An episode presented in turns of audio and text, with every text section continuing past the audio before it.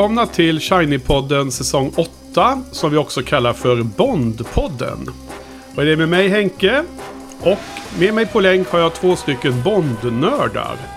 Dels har vi Patrik ner från Göteborg, hallå! Tjenare! Och dels från Altersbruk, Norrbotten, Joel, hallå! Ha- Hallå, hallå! Hur är det uppe i norr? Har ni någon snö eller? Ja, det är snöstorm idag. Ja. Vi, får, vi får hoppas att eh, länken håller då från det här Ja, samtalet jo. ifrån eh, Jag snöstormen. hade, tänkt, jag hade faktiskt tänkt vara ute och flyga drönare idag, men det går inte. Nej, okej, okej, okej. Ja, här har faktiskt eh, det lilla, snö som var över julafton försvunnit. Så nu är det eh, grönt igen. Okej. Ja. Här i Stockholm. Jag vet inte hur det är i Göteborg. Eh, Regn åt sidan som vanligt. Ja, det är regn i alla fall. eh, Antagligen åt sidan. Jag har inte varit ute men eh, jag förväntar mig inget annat. Eh, Jag kan inte ens minnas när vi hade snö här senast. Det, det är så lustigt. Det Jag var och spelade in en, en Volvo-reklamfilm i Partille. Och de, Ja. den, den, de två dagarna var fan andemeningen av liksom ruskväder i Göteborg. För det regnade fan underifrån typ. Det var som att regnet kom från backen uppåt i ansiktet. Inget konstigt. Fullt naturligt. Ja. Ja, vad lustigt. Reklamfilm för Volvo. Där. Du har ju jobbat i bilbranschen ett tag nu Patrik. Och en del för Volvo också. Ja, är det lastvagnar eller? eh, Ja, det var, eller det var en eh, självgående... Självgående sopbil typ. Ja, för lastvagnar. Mm. Ja. De gjorde ju väldigt bra reklamfilmer för några år sedan. När jag jobbade där så hade de, just när de släppte den nya lastbilen så gjorde de ju Eller, jättemånga bra... eller så här, det, det här var nog ingen reklamfilm. Det var en informationsfilm som skulle visas på sådana här mässor. För att ty- typ sälja in eh, det här konceptet med, med självkörande sopbil. Typ. Okej. Mm. Men just det. Och, Ja, de har. Och du Patrik menar den där med Jean- Jean-Claude Van Damme och dem? eller? Det var ju en av dem. Det var ju en av dem. De gjorde ju en fem stycken eller någonting sånt. eh, Som var, den var ju självklart den mest episka. Ja, Ja, ja. Ja, Den blev ikonisk nästan skulle man kunna säga. verkligen. Ja, ja okej. Jo, men idag så äh, grabbar så tänkte jag skulle bjuda på en liten eh, eh, Top 3 of my mind igen. Eh, om det kan passa. Eh, det finns lite olika eh, ämnen att eh, nämna och sen kommer jag länka eh, för, för de, de som blir nyfikna att titta på eller läsa på det som jag pratar om får gå in på show notes och kolla länkarna. Eh, Men det första då som jag tänkte vi måste ändå nämna det är ju Mandalorian säsong 2 här nu som nyligen har avslutats. Och eh, jäklar vad bra det var tyckte jag alltså. Eh, det, eh, jag vet att du har sett det Patrik och du Joel har, in, har inte sett den ännu. Men alltså, jag vill bara säga och höra vad du tycker sen Patrik. Men att för mig känns det som att förhoppningarna om eller framtidsutsikterna inför Star Wars känns liksom positivt igen. Det, det, det känns som att ens hopp har åter eh, etablerats. A new Ja. hope. A new Precis. hope är det. Det är, väl, det är väl första gången man har hopp inför Star Wars sen, eh, sen inför Episod 1. Liksom. Ja, precis. Eh, exakt. Inför Episod 1 och sen... Ja, För ä- även inför sjuan så var det ju liksom en slags eh, ångestladdad förhoppning. Jag vet, K- kanske inför åttan i och för sig, för sjuan var ändå helt okej. så att, eh, då, Ja. då kanske man hade fått lite, men eh, nej, det var Ja, länge just sedan. det. Ja, men det stämmer. Inför åttan då hade jag höga förväntningar. Det stämmer. Mm. Men Nej, de men nu- togs man ju ner, togs man ju ner rätt snabbt där i åttan. Ja, alltså jag... Dels att eh, säsong två var så mycket bättre än ett, säsong ett. Och då var ändå säsong ett väldigt trivsam att titta på tyckte jag. Väldigt mysig att se och härlig miljö och sådär. Och framförallt den andra halvan av säsong två, det vill säga um, episod 13 till eh, 16. Eller eh, chapter 13 till 16 var ju fantastiska. Ja, jag vet och, ju när det fantastiska börjar för mig, men jag kommer inte ihåg vilken avsnitt. eh, ihåg? Det är 13. det är 13. Ja, Ja. Då, då håller jag med dig. Samurajavsnittet som vi kallar det va? Vad sa du? Samurajavsnittet. Ja, det som, kan vi kalla som, det. Som låg, som låg till grund för eh, Favreaus idé runt det avsnittet. Då. Mm, Och, och eh, utan att gå in på detaljer, för det är ju bara massor med rykten och det här är nog saker som aldrig kommer bekräftas officiellt från Disney. Men så är det ju, verkar ju som att det är någon form av intern maktkamp mellan eh, Kathleen Kennedy, eh, chefen för eh, eh, Disney, eh, ansvarig för Star Wars där inom Disney. Och duon eh, Favreau och Filoni. Och ehm, eh, väldigt spännande. Man kan alltså se eh, väldigt mycket spekulationer och, och mm, mer eller mindre konfirmerade eller, eller oftast mindre konfirmerade saker då som man, man ser på olika YouTube-kanaler. De pratar om det här och framtiden. Men det, det ultimata är väl egentligen att bara, bara titta på Disneys presentation här som var för några veckor sedan. Du vet när de gick ut med sin roadmap och bland annat visa en herrans massa olika filmer och annat som skulle ut i MCU. Så visade de ju också samma för eh, eh, Disney. Och det var väl ett tiotal, eh, mestadels tv-serier men också någon film tror jag de pratade om där.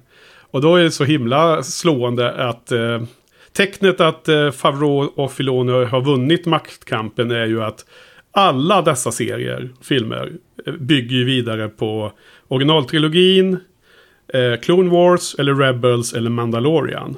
Och ingen bygger på den nya trilogin som Kathleen Kennedy ansvarar för. Mm. Alltså ingenting handlar ju om Ray och Poe och dem längre. Inte en Skönt. enda. Skönt ja. Mm. Ja, så att eh, det finns ju till och med de som spekulerar i att, eh, att eh, Disney har redan eh, inlett en, en marsch emot att göra den nya trilogin som decanonized. Liksom bara ta bort den nu.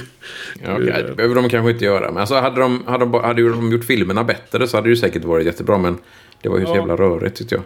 Men, men, men alltså, vi, går mot en Star Wars, vi går mot en Star Wars Extended Universe eller vi är väl ja, redan där skulle jag säga. Men... Alltså, det, det, det, det, det handlar om, ja. Det största kruxet är ju att um, Carrie Fisher är död och vad heter det, Harrison Ford är totalt ointresserad av att komma tillbaks.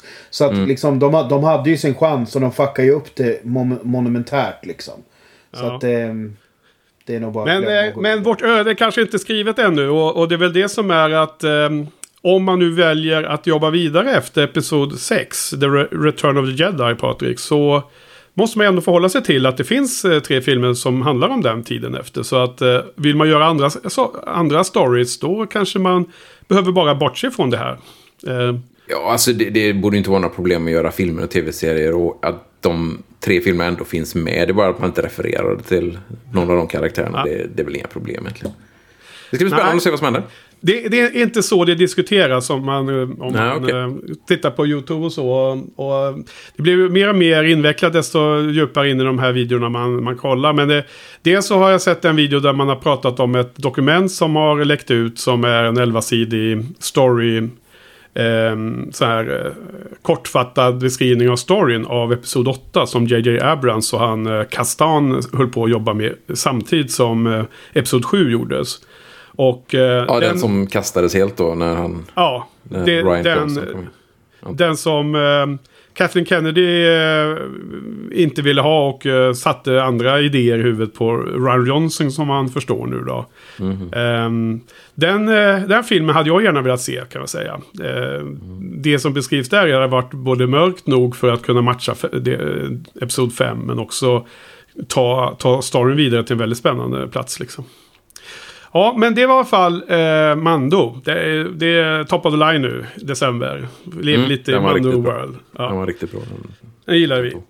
Eh, vidare då så på YouTube, det finns ju mycket att hitta där, så stötte jag på en väldigt intressant eh, YouTube-video som jag ska länka till i show notes som eh, leder in till den sista punkten. Eh, och jag ska bara nämna lite kort för jag kan starkt rekommendera den här. Det är en kille som jag, jag har inte följt honom tidigare och jag vet inte vad han har för någon bakgrund. Men han gör en, en ganska lång video där han pratar om adaption från bok till film eller tv.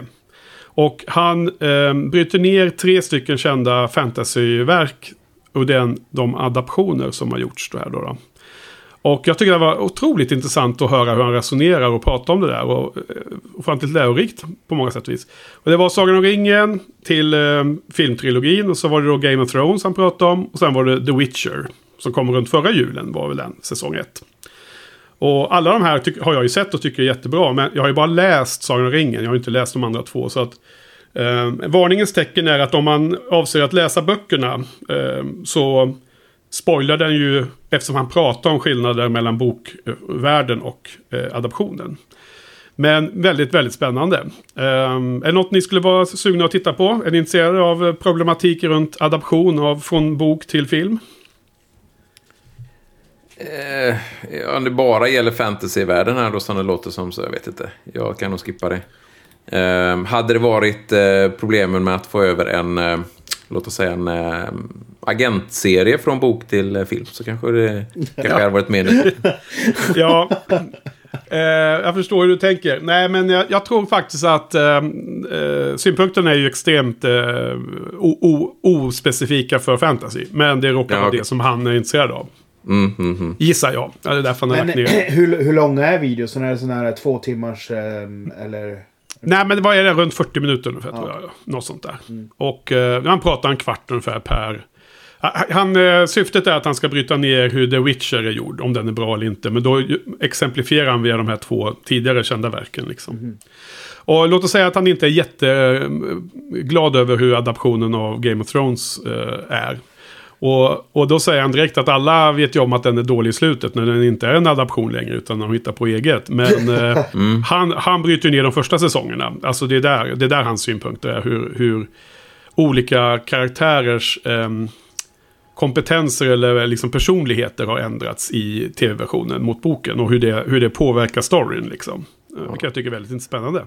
Ja, det kan jag nog skippa. Det, det är Ja. ju två olika medier och man ska hitta rätt skådisar och så, så jag kan tänka mig att det, det blir sådana ändringar. Du Ja. kommer säkert märka det i en, en viss kommande fantasy-serie. Precis, och på tal om det så är det den tredje punkten då. Ja. Ehm, Wheel of Time, eh, What Wednesday? Eh, vad var det du sa Patrik? Eh, Den what, våta, eh, våta onsdagen. What- alla fans what- what våta dröm. Ja, eh, What Wednesday. Eh, det var ju, eh, senast det var en What Wednesday så var det ju en teaser på, som kom ut och som vi pratade om för några avsnitt sedan. Eh, har de gjort en, eh, va? om, om ett eh, signifikant svärd i, i storyn, ja, som en huvudperson har, liksom äger. Så det, alla fans reagerar ju direkt på det. Och den var ju 27 sekunder lång. Jag eh, fick ju för mig att den var mycket kortare när vi pratade om det senast. Men det är liksom bara för att det blir så intensivt gissar jag.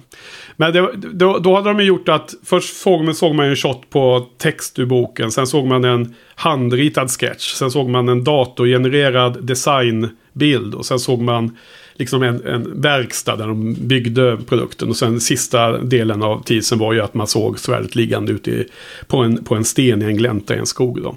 Och det var ju liksom ett ganska coolt koncept att eh, visa progressionen där. Och du såg ju den teasern i alla fall, Patrik tyckte den var Mm. cool va? Ja, det var, det var nice. Och sen följdes det upp med en Q&A som han typ eh, showrunnern bjöd på. Och då, då pratade han om...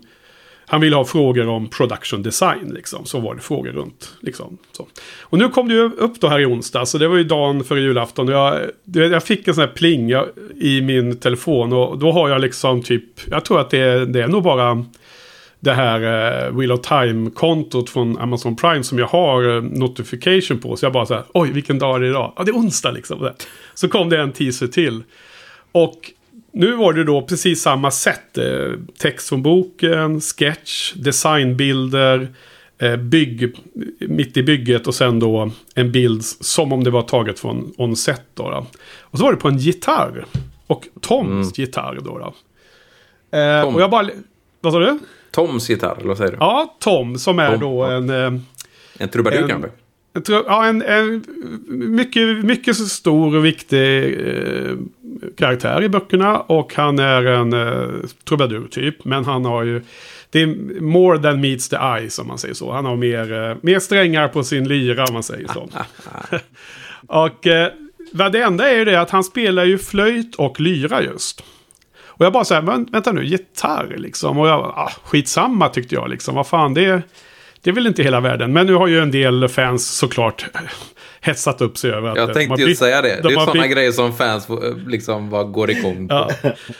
Eh, och jag ska länka till en webbsida som har den här, eh, den här teasern och också efterföljande Q&A så att man kan läsa igenom allt eh, själv. Men eh, den här teasern var ju inte alls lika känslomässigt inducerande som den första om, om eh, svärdet, Patrik. Nej. Men Q&A var ju bara mycket, mycket bättre. För då var det ju så här. Det är så jäkla härligt. Eh, han visar gitarren och alla börjar tänka sig, men vänta, det- Tom har ingen gitarr. Och sen är, nu är det Q&A han tog 11 frågor, Rafe. Eh, på ändringar de har gjort från boken. Alltså ändringar som de har gjort i adaptionen. Och Det är därför det är så lustigt sammanträffande när jag just hade sett den där YouTube-videon som jag pratade om för någon minut sedan. Att, eh, som pratade om vilka, vilka saker ska man och ska man inte göra en adaption. Och så tog han just de frågorna. Och jag kan bara uppmana de som är det minsta intresserade att läsa in det. För det var jättespännande svar. Och, eh, liksom ett exempel bara då utan att jag kan inte gå igenom allting vad han pratade om. Men det var, det var liksom väldigt intressant måste jag säga. Men det, en, en sak som man inte kan göra i en tv-serie jämfört med en bok är ju att stanna vid varje liten by eller stad som eh, huvudpersonerna besöker. För att det är både kostnadsfråga men också ekonomi över avsnittens längd. Liksom. Hur mycket tid man ska spendera på olika ställen. Och om man inte stannar på alla ställen då kanske man inte träffar alla karaktärer på rätt plats. Då, måste man, Nej. och då blir det ripple effects. Då är det som the butterfly, vad heter det, effekten liksom. Precis. Och eh, han svarar på det att liksom, de måste alltså kolla effekterna hela serien. Så de, det är ju inte första boken eller första säsongen som de ska titta över. Utan då, vad har det för någon, för någon konsekvens i hela... eh, För honom är det inte x antal böcker utan det är bara en tv-serie. Det finns bara en enda story liksom. Eh, Och det indikeras bland annat att Tom då som introduceras i typ kapitel 3 ungefär i första boken. Eh, kanske inte ens kommer vara med i första säsongen eller, eller komma sent eller sånt där. För han skriver någonting om att eh, man måste ge en ny stor karaktär tid nog att bli etablerad. Det kan inte bara vara liksom med i en scen för att han råkar vara med i boken. Måste ge varje karaktär tillräckligt mycket screen time. För att få en introduktion och för att kunna få eh, de bästa skådespelarna att ta rollerna också. Liksom. Man måste ha nå- något att göra om man ska Ja, ja, ja. hoppa på ett jobb. Men det kan Ja. väl vara ett smart eh, sätt att, ska man säga, ehm, diffusa hela situationen när, film, när avsnitten väl kommer liksom. Så att Ja. inte debatten kommer då, utan du, du säger redan innan att det här, det, det här är anledningen varför vi har gjort så här. Och då vet folk Ja. det när de ser det liksom. Istället för att bli helt jädra handwaving freakoutasy. Ja, exakt. Bra. Du, ett nytt begrepp. Handwaving freak out and see. Ja, Ja. Det gammalt. Eh, nej, men jag, jag, jag för mig att det var, om det var han eller om det var den här bokexperten Sarah som sa exakt det på Twitter också. Att det här är ju anledningen till att de nämner det nu. Liksom. Mm, mm, mm. Och det är också den anledningen, de två år innan produktion, liksom innan premiären har liksom nämnt eh, casting och sånt. Så att folk kan eh, eh, snacka av sig om eh, irritation runt att det är liksom fel hår, hårfärg och sådana saker. på Ja, olika. precis. Och, precis. eh, och Rosamund Pike är inte kort och mörkhårig. Hon är ju lång och blond för fan och så här liksom. Ja, ja. Sånt, sånt kan man nog fixa i, eh, i eh, filmvärlden. Så. Ha, eh, Okej, men det var topp tre nu. Eh, eh, väntan fortsätter. Eh, snart har vi 2021 och förhoppningsvis har vi premiär på Wheel of Time då. Eh, så får vi se vad det blir. Okej, grabbar. Men ska vi be oss in på dagens film då? Den 19 i ordningen.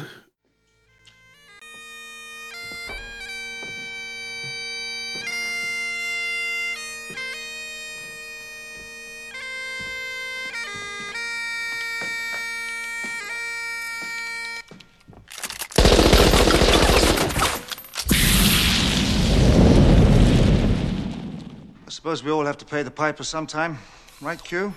Oh, pipe down, 007. Was it something I said? No, something you destroyed.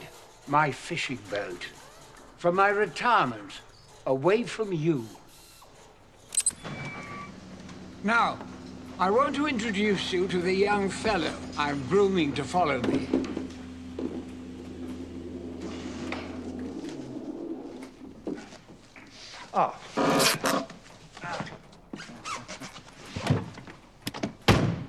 Helps if you open the door. And you might be. This is 007. If you're Q, does that make him R? Ah, yes, the legendary 007 wit. Or at least half of it. Now, I dare say, 007, that you've met your match with this machine. Yeah. New model. Improved specs.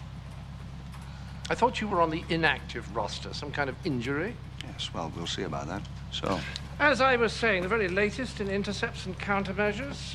Titanium armor, a multitasking heads up display, and six beverage cup holders. All in all, rather stocked. Fully loaded, I think is the term. I think. You're not here to think. You're here to do what I tell you. Now, go and put on the coat and demonstrate it for 007. But of course. Now, watch closely, please, 007. The right arm goes in the right sleeve, thus, and the left arm in the left sleeve, thus. Now, note closely, please. Pockets, poppers, and zipper. Take the lower part of the zipper and insert it into Oh, the pull the appropriate tag. the- What?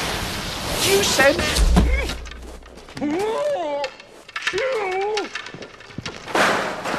Seems well suited for the job. You're not retiring anytime soon. Are you? Now, pay attention, 007. I've always tried to teach you two things. First, never let them see you bleed. And the second? Always have an escape plan.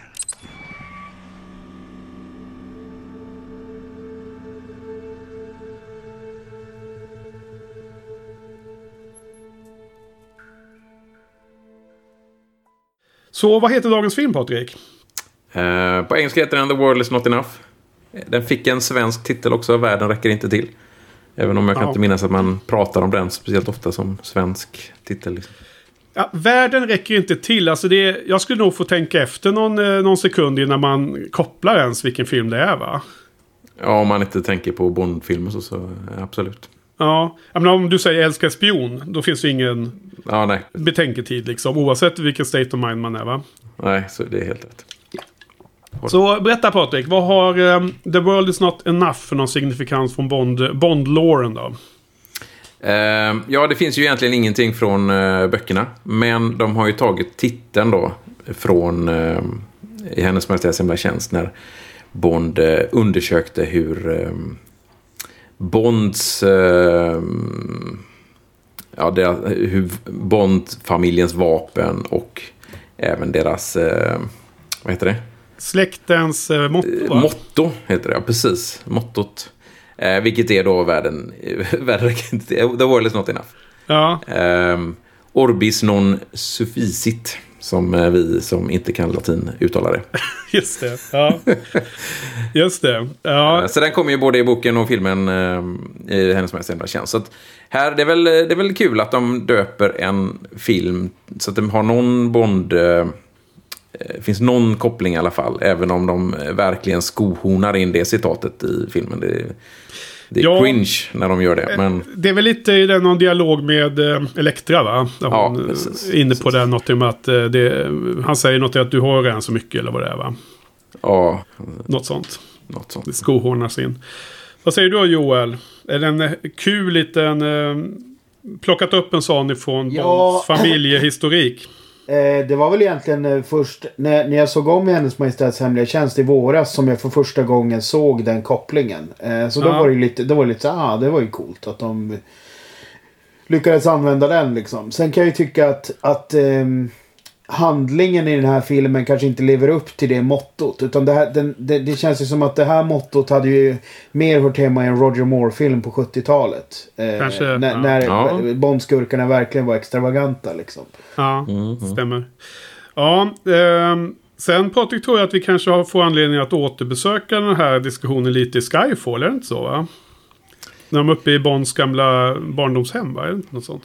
Ja, fast... ah, alltså då, då hittar de ju på egna grejer. Väldigt mycket egna grejer och inte taget från, film, eller från böckerna alls. Jag eh, var superbesviken. På såg tal om adaptioner. Mm, precis. Ja, Men, eh, ja. okej. Mm, Men du, hörni. jag blev upp, ehm, upprörd där. Ja, okej. okej, vi, vi ska lämna den direkt. Vi, vi, vi, vi får ta den huvudvärken när vi pratar om Skyfall om några veckor. Ja, precis. Ehm, nu ska vi... Alltså jag hade så höga förväntningar för den här. För jag hade för mig att det var... Jag var nästan säker på att jag tyckte att den var den bästa av de fyra Brosnans-filmerna. När jag såg igenom alla filmerna för mitt eh, bloggprojekt för sju år sedan. Så att jag, för mig blev- var det något av ett bryskt uppvaknande när jag såg den här. Men, men om vi ska komma till vad vi tycker om filmen alldeles strax så ska vi först ha en liten mission briefing. Så Joel, ligger du bekvämt? Är det något som du ska köra idag? Eller ska Nej, lämna det jag, till jag, Patrik? jag, jag överlåter det till er, er tungviktare. Så Patrik får köra den idag. Ja, Okej. Ehm, Du får köra. Jag tror, att det är din, jag tror att det är din tur Patrik. Det känns som det är alltid min tur. Eh, då ska vi se här. En, ehm, en brittisk affärsman eh, och även vän till M, Sir Robert King. Han mördas inne i MI6-högkvarter eh, i London. Eh, en M blir väldigt upprörd givetvis och skickar iväg eh, alla sina tillgängliga agenter åt alla håll för att leta efter mördaren som de tror är den här terroristen Renard, Renard the Fox. Och det blir då Bond givetvis som får upp spåret som börjar vid Kings dotter Elektra då, som de tror är hans nästa offer. Och den här jakten går via oljefält i Azerbajdzjan till eh, hela vägen fram till en liten ö i Istanbul. Så så är det. Och M blir utlockad på fält till och med och blir Mm. del i slutuppgörelsen. Det är ganska Mycket att göra. intressant. Det, det är väl Ja. smart ändå tycker jag. De, har de en av eh, Brit- Storbritanniens bästa skådespelare så är det väl bra att använda den kan man ju tycka. Ja, ja, då är det ju en av världens bästa skådespelerskor också. Om det är en av Ja. Storbritanniens bästa. Precis, jag- tänkte säga det. Är det Storbritannien så är det givetvis världen och det Ja. goes without saying. Ja, exakt. The Great Britain. ja. Ehm, nej, men eh, jag har redan släppt ut... Eh, vad säger man? Anden ur eh, flaskan eller katten ur lådan. Eller vad man säger. Jag, har redan, jag har redan hintat vad jag tycker. Alltså jag, jag, eh, alltså jag blev ju otroligt besviken när jag såg den här filmen. Igår kväll. Eller igår dag. Måste jag säga. Eh, jag, jag tyckte inte alls att den här upp, uppfyllde de förväntningar jag hade på filmen.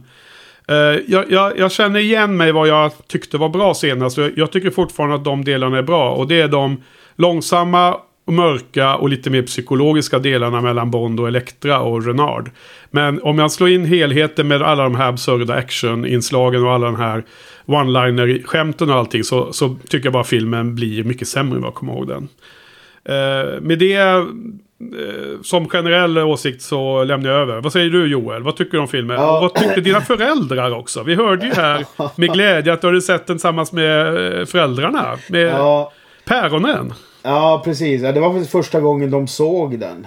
Eh, Och farsan sa efter den var slut så här. Är det här den bästa Bond-filmen? och jag bara, vad, hur menar du? Det var som att han, han undrade om, om den generellt sett uppfattas som det av någon jävla anledning. så jag vet inte. Men Jag, betyder det att han gillar den ganska mycket? Eller? Ja, han måste, ja, man tycker ju det när, när, när han säger så. Men han såg inte speciellt exalterad ut. Så att, eh, jag vet Han inte. hade låga förväntningar. Ja, precis, precis. Eh, nej, men alltså jag kommer ju att tänka på det här som du började eh, attackera License to Kill för. Det här med skiftande mm, tonalitet. Ja. Det tyckte jag var väldigt... Eh, fram, alltså, det tyckte jag var väldigt eh, påträngande här alltså. Ja. Eh, som du säger så, så är det ju de här dramatiska delarna med eh, Elektra och psykologin och Renard och allt det där. Det känns nästan som lite så här åt eh, Timothy Dalton-hållet. Och så sen så blandar du det, eller från de filmerna liksom, att det går på ett djup och ett mörker liksom.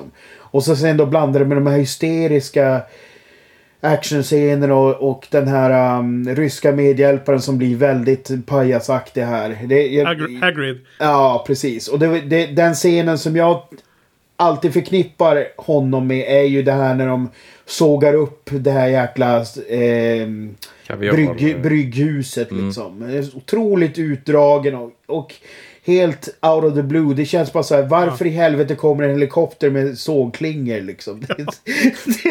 Ja, men, det, vi, alltså, vi, har ju, vi har ju skämtat om det många gånger jag och Patrik om att de ska alltid ska välja de mest o, obekväma eller opraktiska sätten att döda Bond på. Och det här måste nästan vara top of the line när det gäller mest opraktiska sätt att ta, ta död på Bond. Ja, jag håller med. Den, den, den scenen har inte um, åldrats väl. Alltså, den är för jävla lång också. Ja. Tar ju aldrig slut. ja. Ja, nej jag förstår. Det verkar som att vi är ganska på samma mediokra nivå när det gäller uppskattning av den här filmen. Men, men du då Patrik, eh, säg, säg hur, hur är sanningen här nu? Hur ska man se den här filmen? Um, alltså jag håller ju bara med. Den, den, eh, jag mindes den som bättre. Helt klart. Den har, som den säger, vissa bra eh, delar. Ehm, dels det din säger, dels... Jag gillar till exempel att uh, Bond får en skada i början av filmen och den följer med honom. Det är väl första gången det känns som han, de faktiskt, eh, han faktiskt är skadad på riktigt så att säga. Ja. Han får ju sin axelskada där. Eh, och de lägger ju även in det. De, den- är väl med på grund av att de ska lägga in det i, i, i storyn då. Men eh, även bortsett från det så jag gillar ju att han blir han skadad, blir han skadad liksom. Ja. Ehm, sen tycker jag väldigt mycket om att vi har en kvinnlig huvudskurk. Enda gången vi har det. Ehm, helt rätt, mer sånt. Ja. Ehm, så det, det är bra.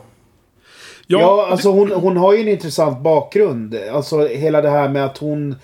Jag, jag gillar den här vändningen att det är liksom hon som har förfört Renard i slutet. Ja, den är suverän. Mm. Det, det är ju faktiskt, gör ju filmen, är det ett helt snäpp upp Ja. liksom på att det var så. Eh, det hade varit liksom tröttsamt att det bara var Stockholm Ja. syndrom. Och sen var det inget mer med det liksom. Nej, precis. precis. Ja. Nej, det, det var en av de sakerna som jag också hade hunnit glömma sen senast. Så att jag blev nästan lite förvånad den här gången. Sen, sen jag, gillar, jag gillar faktiskt idén med Renard. Det här med kulan i skallen och att han... Däremot så tycker jag att de inte tar det hela vägen. För att jag tycker det påminner lite om de här klassiska henchmen. Du vet att de nästan blir övernaturliga på grund av någonting. Och här tycker jag att de skulle ha tagit det längre. Att han verkligen framstår som totalt jävla eh, orädd och osårbar liksom. Och jag tycker att de inte vågade skruva upp det tillräckligt. Så att det hade blivit lite mer åt Moore-hållet liksom. När, när man ändå har satt premissen att ja, han känner typ ingen, ingenting liksom. Så att man typ eh, att de så här bränner honom med liksom eh, eh, eldkastare eller vad fan som helst liksom. Eller alltså fortfarande rimligt såklart. Men alltså Ja, ja. Att, att de inte tog det tillräckligt. Nu, Nej, jag nu är det ju mest att han, han blir förvånad varje gång han inte känner något. Exakt. Det, det, det är flera gånger och det bara åh, nej jag känner ingenting. Nej. Nej, och jag, jag kan tycka lite att eh, Eh, de behandlar monstret i den här filmen eh, som då skulle vara alltså kombon Elektra och Renard. Eh, lite som Jaws. Att hajen kommer in väldigt sent i Jaws och att alltså, hajen syns inte så mycket och att det blir mer spännande. Men du får inte den här spänningen för att det är inget du förväntar dig i större delen av filmen. Jag tycker att de introducerar det här kombon att vi förstår vad det är som händer för sent för att kunna hinna utnyttja bra aspekter av att Elektra egentligen styr Renard och inte tvärtom och så vidare. Jag, jag tycker att det bara liksom blir en reveal och sen så är det över. Ja, Se, ser ni vad jag menar? ja eh, jag vet inte om det är bra eller dåligt. Så det är också rätt schysst att det tar väldigt lång tid innan man inser vem som är skurken. Den twisten kommer ju rätt sent, vilket jag tycker är bra. Jag menar jämfört med Colombo och... Eh, vad heter han? Eh, tappade jag det helt där. I, eh, for, your, for your eyes only. Ja, den revealen kommer ju ganska direkt, snabbt liksom. just det. Jag kommer inte ens ihåg vad den andra heter. Som, han som... eh, Kristatos heter han. Ja, just det, just det. Precis. Som är så lik min eh, farbror. Ja. Och, eh, men den, twist, alltså den, den twisten kom ju rätt snabbt, liksom, nästan direkt efter att han är skurk. Nej, han var skurk. Och så. Eh, Här tyckte jag gillar, jag gillar att de ändå höll på det så länge. Men jag håller med dig att det blir ju inget, inget utrymme för att, att leka med det då. Alltså, Inte jättemycket. Jag vet inte om min eh, liknelse är full bra gjord. Jag menar att Okej. i filmen Hajen, Jaws, så är vi ju rädda för monstret. Mm. Hajen i havet. Men vi vet ju om det hela tiden. Vi har ju sett det redan i inledningsscenen att det kommer en haj och äter en kvinna som simmar på vattenytan. Mm. Och under he- spänningen i hela filmen och det, det briljanta av Spielberg är ju att då inte visa oss hajen. Vi bara väntar hela tiden och vi blir mer och mer rädda. Och vi målar ju upp monstret i huvudet på oss. Vi får inget sånt i den här filmen. För att vi vet ingenting och sen helt plötsligt vet vi allt och sen är det slut. Det är det jag menar. Att, att man hade kunnat spela mer med den dynamik som blev mellan Bond och Renard och Elektra. Om vi lite tidigare hade fått reda på vem det var som egentligen var skurken. Det var det jag menade Patrik. Att man kunde Ja, jag spela förstår, mer... jag förstår det. Ja, Jag förstår det, men- absolut. Exakt, men, eh, precis. Men, men de, har, de har ju kört nästan all in på det här med att det ska vara en twist. Mm, Ja, precis. De valde den vägen helt enkelt. ja. Eh, Bra eller Men dåligt? tyck, tr, tror ni att det hade varit spännande för eh, oss tittare att se mer av den dynamiken och se mer Bond mot Elektra i någon form av hjärnornas kamp istället för att bara paja allting med, med overblowna actionscener? Jag vet inte, jag tycker twisten var rätt bra. Det- Den kom i rätt tid. Sen kan jag väl hålla med om att det hade väl varit en annan film. Där det inte, inte var en sån här twist. Eh, Mm. Det en skulle jag jättegärna, skulle jättegärna vilja se också, en sån film. Ja, jag håller, jag håller med. Det hade varit intressant med någon form av nästan psykologiskt drama liksom. Där, där typ, säg någon så här gammal älskarinna ska hämnas på Bond eller något sånt där. Alltså att man verkligen tar det till en helt, eh, liksom... ehm, Eh, vad fan heter den här med hon som kokar kaninen? Eh, Fatal Attraction. Precis, Ja. Fatal Attraction liksom. Alltså eh, absolut, jag, jag gillar tanken Henke, men, men så som eh, Bond-formulan är så har jag lite svårt att se det här. Eh, det är klart att de... de det, det, Som Bond-formulan är, Joel, det håller jag helt med om. Utan det, nu är man ute och önskar att Ja. Bond-franchisen skulle gå i en annan riktning. Ja, och, och det förstår jag också att det är liksom helt utanför kartan. Men då skulle vi varit inne på en John le Carré-variant av det här. Jo, jo, fast, fast grejen är så här. För, för mig är det nog inte omöjligt att vi hade kunnat få någon sån variant om Timothy Dalton hade fått fortsätta. För det känns som att de var öppnare för den typen av ändringar då. Liksom. Ja. Skulle Men- men- Pam Bouvier vara med i den Ja, också då? jag, skulle just, jag skulle just fråga det. Tänk om det var Pam Bouvet som irrit- irriterad på Tim, Tim Ja, det var ett Dalton av någon, av någon anledning och kommit Åh och... jävlar alltså. Hade- Ja, det hade varit... Ja, det är ju... Sen är det ju problemet då, Henke, också att, att eh, Bond är ju en agent. Han är ju inte en strateg kanske på det sättet som, om man nu vill ha hjärnornas kamp liksom. Det är ju mer action än alltid gärna... eh, Ja, det är ju lite så. Och samtidigt så gillar vi ju Bond-karaktären. Och vi gillar ju att han Mm. Hans skills är ju att klara... Att, som Frans beskrev någon gång. eh, store Frans liksom. Han, han säger att Bonds taktik är ju att skapa så mycket kaos som möjligt. Därför att han vet att han klarar av de oberäkneliga kaossituationerna bättre än motståndarna. Och det kan ju överföras till en, en kamp mellan, för att inte så mycket hjärnornas kamp utan mer kanske en känslomässig kamp här. För hon spelar ju på att han är, att han inte, han är ju lite så här, vill inte döda en kvinna, gentlemannaaktiga, känns det som att hon spelar på här. Speciellt i sista scenen innan han faktiskt skjuter henne. Som då är också, ja men det är också lite så här, lite överraskande ändå va, första gången man såg det måste det ha varit. Ja, jo absolut. Eh, sen gillar han ju inte mörda överhuvudtaget. Men eh, ja, eh, bara skjuta ner henne. Det, ja, jag gillar det. Jag gillar den scenen. Ja, men eh, eh, för att gå vidare i... Eh, ta ner eh, eh, eh, nivån lite till en, en tråkig del så är ju det här sista filmen med vår älskade Q också, Patrik.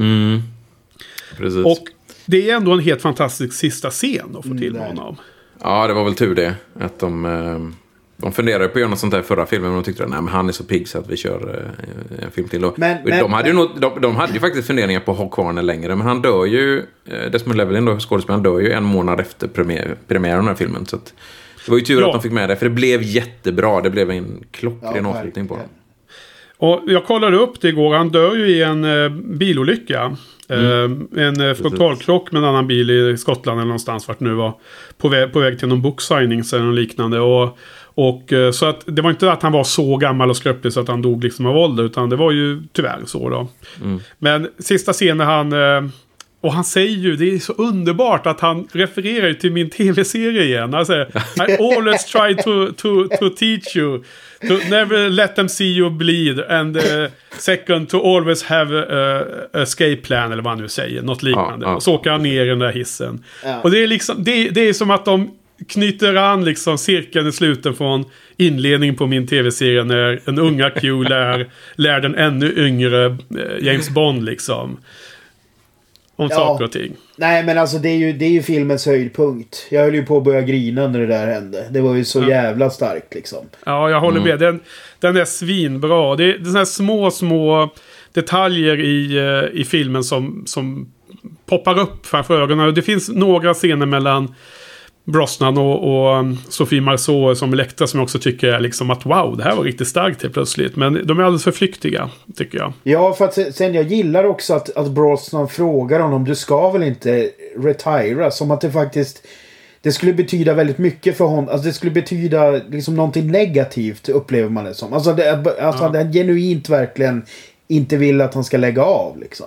Typ. Mm, Nej, det var riktigt, riktigt grymt. Ja, ja nej, alltså jag, det...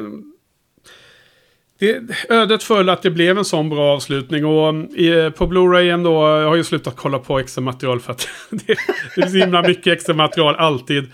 Men jag, just för att det var hans sista scen och jag var medveten om det så kollade jag. Och då, och då fanns det ju faktiskt en, en hyllning, en, en en eh, kortare video, 3.50 ungefär, som eh, 3 minuter 50 sekunder som var en, en klippt från alla filmerna från honom och olika ikoniska scener med olika Bond-skådespelare och sånt. Och eh, kolla efter den på YouTube för att kunna klippa in i show notes. Men tyvärr var den eh, versionen som låg på YouTube som jag hittade var ju helt usel och ljudet funkar inte och sådana saker. Så att det, det, får man kolla på extra material på DVD eller Blu-ray istället.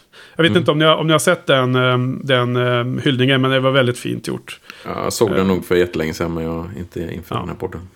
Jag gillade den mycket. Mm, mm. Ja, vad, vad, tycker du då, Patrik? En, en uh, ikon från den här filmserien som går i graven. Ja, jag är förvånad ändå. Han var han 85 när han dog, så att det är förvånande ändå hur länge han höll i. Ja. Um, så man får vara glad för det man fick. Men det är ju liksom ingen, det är liksom ingen slump känns det ju som att han ändå fick vara kvar. För jag menar, de har, alla de andra har de ju bytt ut i någon form mm. fram tills nu. Så att det, det, säger ju ändå någonting om hur, liksom, eh, hur jävla bra han var i rollen. Faktiskt. Jo, ja. Verkligen. Jo, och sen så, de, många av de andra har ju dött av och ja, Miss Moneypenny ska ju försöka vara någon slags jämlikt eh, ja. ålder med de andra. Men, äh, men eh, han var ikonisk. Han höll ut väldigt länge. Ja. Sen tycker jag det är lite så... Sen, det här med efterträdaren då, John Cleese. Ja. Uh, och jag älskar John Cleese, verkligen. Men han, det funkar ju inte alls här. Det är liksom som att han har läst på vad Rowan Atkinson gjorde i Never Say Never Again. Ja, och tyckte och då att det har han så... fått, fått, veta hur han ska spela i en Bond-film. Ja, äh, jättesynd. Um, jätte, det blev det bara pajas. Bara pajas. Ja. Och, och sen han, hela den här... Näst, han är med nästa också va? Och sen ja, precis. Sen, sen som tur var så försvinner han. Men, men, ja. Eh, och sen hela den här då att, de, att Bond kallar honom för R. Det är ju liksom något som stör alla liksom. Ja. Därför att det är, det är quartermaster eller något sånt där kul står för va? Ja, precis. Mm. Ja, och sen ska han vara då lite så pajasaktig och, och fumlig. Och det är också, också så här att man, man vill ju man vill ju att det ska hanteras seriöst, även om det ska vara roligt. Alltså, det, här är, det här är ju ändå Det här blir ju pajasaktigt liksom. Ja, det här, det här är ju då chefen för liksom den, för, för R&D-avdelningen i MI6. Det, lär, det lär ju vara seriösa människor som är jävligt skarpa liksom. Ja. Det är ju inte pajasar som, nog för att vissa chefer kan vara pajasar, men en sån hade inte kommit dit liksom. Nej, utan de, de, de ska ju ha sina personlighetsdrag som må vara udda, men det ska ju inte vara att de är liksom eh, man får en känsla att de är dåliga. Liksom. Nej, precis, precis. Men det säger, säger väl också lite om tonläget, vart de, vart de är och barkar åt. Liksom. Ja. För, gre grejen är ju att John Cleese är väl också en så här, ja han... Han är ju känd liksom. Och, och så sen är han ju väldigt one-note. Det hade ju varit intressant om man hade spelat seriöst. Istället. Ja, det hade jag velat se. Eh, men nu ja. spelar han ju bara ännu en John Cleese-gubbe liksom. Mm. Eh, det blir så jävla enkelt liksom. Mm. Ja, det blir simpelt ja. Precis. Mm. Ja, eh, men... Eh, eh, Judi Dench då har vi pratat om, har redan nämnt lite, men hon är väl ändå väldigt bra, är hon inte det? Hon är alltid bra. M. Hon är alltid bra, ja. ja det... Men vad tycker ni att det de gör av M i den här filmen då? Ja, det är som jag sa innan. Eh, ju mer man kan ha med henne, desto bättre för filmen. Ja. lite ja. så. Jo, alltså jag, jag håller med. Men samtidigt blir det ju lite så här att... Eh, det, det, här är ju förstudien till Skyfall. Liksom. Det här är ju liksom eh, pappersteckningen som eh, bygger Aha. hennes mm. Skyfall-ark. Liksom. Ja. Eh, så att det, det, jag, jag, tycker att det blir bättre i den filmen. I, I den här filmen blir ju hon lite the damsel in distress. För visst, hon är alltid bra i sina scener och så. Men i, hon gör ju inte supermycket liksom. Eh, tycker jag. Nej, ja, de, nej, men de... visst är det, men det är ju... Ja, så, Patrik. Elektra, det blir ju rätt bra med Elektra liksom. Att hon använder sin eh, vänskap eh, och, och modersinstinkterna från, eh, från M då för att lura ut henne liksom. Eh, för att ta hämnd. Hon, hon Ja. vill ju ta hämnd på M liksom. Eh, så det, det vävs ju in i storyn också. Det är ju liksom inte så att nu, nu ska hon, nu ska M vara i fara liksom. Utan det, det finns ju en anledning till varför de gör hela det här. Och sen Ja. alltid då lite krångligare än vanligt. Men Det, det, det, det som är problematiskt dock är att ett av, mina, ett av mina stora problem med filmen är hela det här M's involvering i den här familjen. Därför att visst, det berättas om det. Men jag känner inte så jävla mycket. Liksom jag bara und- sitter mest under så här, men varför är M så jävla involverad i den här gubbens familj liksom? Lite grann. Och då blir jag lite fråndragen. Sen, sen alltså hon är ju som, som vanligt otroligt bra i sina scener och de spelar bra emot varandra. Men jag, jag saknar någon, jag vet inte om man, om man nu hårdrar det så hade jag kanske, hade det varit en tv-serie eller liksom en... Ehm, att man hade sett någon slags flashbacks eller jag vet inte. För det, det känns lite som att det är någonting som jag inte riktigt får fäste på där. Det är svårt, eh, svårt att hinna med det som du säger. Ja. De försöker ju ha en scen eh, på hennes kontor där de står och dricker någon, eh, någon läskeblask tillsammans. Ehm, King, King, ja men det är väl någon whisky eller någonting. Ehm, eh, King, King och, och M där då för att visa liksom att de är minsann gamla skolkamrater då liksom. Men, Ja. men absolut, det hade varit skönt med mer sånt men det är svårt att hinna med. Ja. Publiken förväntar sig action och inte drama. Jo fast Ha- grejen är att man, hade- hade, ju, hade man ni- hade ju lätt kunnat kapa en hel del action här och faktiskt... Jo men då kanske inte publiken hade gillat det. Den generella Ja. publiken. Jag tror man, man ska inte underskatta publiken så jävligt mycket hela tiden. Och tro att, att, det måste ha, att den 19 filmen i en serie måste se exakt samma sak om och om igen. Samma jävla gamla eh, trötta skid, eh, skidjakt eh, och så vidare liksom. Eh, ty- tycker ni att eh, M skulle varit en gammal flamma? Att de skulle varit ett par, hon och den här, vad han nu hette, mm, King. Eh, och att Elektra skulle varit arg på M lite därför att det var liksom en konkurrens med mamman där också. Att det fanns en sån bakgrund. Hade det adderat något eller? Nej, alltså det hade ju behövt... Alltså jag, jag fattar inte. Den, den här gubben var ju inte speciellt karismatisk. Och dessutom han dör ju liksom ett par minuter in i filmen. Alltså det, där hade det också varit intressant om de hade kört en annan skådis. Alltså en mycket kändare skådis typ. Jag tänkte på han, vad fan heter han? Han som spelar i um, Sound of Music. Christopher Plummer. Eh, exempelvis. Ja, det hade nog passat bra ja. Ja. Christopher Då, Plummer. då, för då, då, hade, då hade det liksom... Sound of Music? Ja, Det vet Ja, jag men inte, det- men Christopher Plummer vet jag vem det är i alla fall. Jag har ingen aning. Ja, alltså, han jo, ju- men han är han är med känd- han är Just det, han är känd med som som Music. Ja, precis. Ja, han är ju mer känd som gubbe nu liksom. I diverse grejer. Ja. Han är ju gubb. Eh, eh, men, men då, för då hade man satt så här, okej den, här, den här rollen spelas av en viktig, eller du vet en riktig skådis. Och så dör han efter ett par minuter. Det blir så här, okej nu ska jag lägga, honom, jag bör nog lägga märke till den karaktären på ett annat sätt. Men det, Mm, det, för att jag, jag tyckte att den gubben är ju väldigt okarismatisk och liksom så här, ja, bara en gubbe som dör liksom. Eh, lite grann. Det är lätt hänt i en, lätt hänt i en Bondfilm. Ja, Ja. man kanske, kanske har lite höga krav. Ja, Nej, men absolut. Det kunde man gjort någonting av. ja okej. Han kanske ja. var upptagen med annat, eh, Christopher Plummer. Ja, hon är, men eh, hon är ju lite damsel in distress i slutet där, Joel, där när hon ska försöka fixa med klockan och så misslyckas Fast hon- hon och sådär. Fast de löser ju ändå... Hon löser det, men, men jag förstår var Joels instinkter kommer ifrån. Mm. Att det blir lite den feelingen. Hon står... Hon lyckas signalera, men hon blir ändå räddad till slut. Liksom. Och det, man kanske har för höga förväntningar på, på folk som, som Ja, skriver det- det- en Bondfilm. Det, det får vi prata mer om när vi kommer till Skyfall. Men det är därför jag tycker att det här är liksom så här, det första försöket. Och så blir det bättre när, Ja. när, när det blir en aktivare, ännu aktivare roll i Skyfall så att säga. Jo. Vi kan väl, nämna, vi kan väl nämna det eh, med, med just med manusförfattarna. Att, att här, eh, Bruce eh, Fernstein som har gjort, gjorde förra också. Då, han, här får han ju sällskap av, av två, två stycken andra brittiska författare. Neil Purvis och Robert Wade. Och de är ju faktiskt de som gör, har skrivit manus till alla filmerna nu. Och, och gör det även till No Time To Die, den nya filmen. Vadå, de, de, de, de gör alltså manus till filmen som kommer efter den här också. De gör manus från och med denna filmen hela vägen fram. De, de gör varenda då. Så att det är högt och lågt. Högt och lågt. Men även Skyfall menar jag. Eh, är Och även. Die Another Day. Ja, det var det, det Joels... eh, högt och lågt som sagt. Helt otroligt. Att de fick behålla jobbet, ja. Ja, faktiskt. Ja, Herregud. Alltså, in.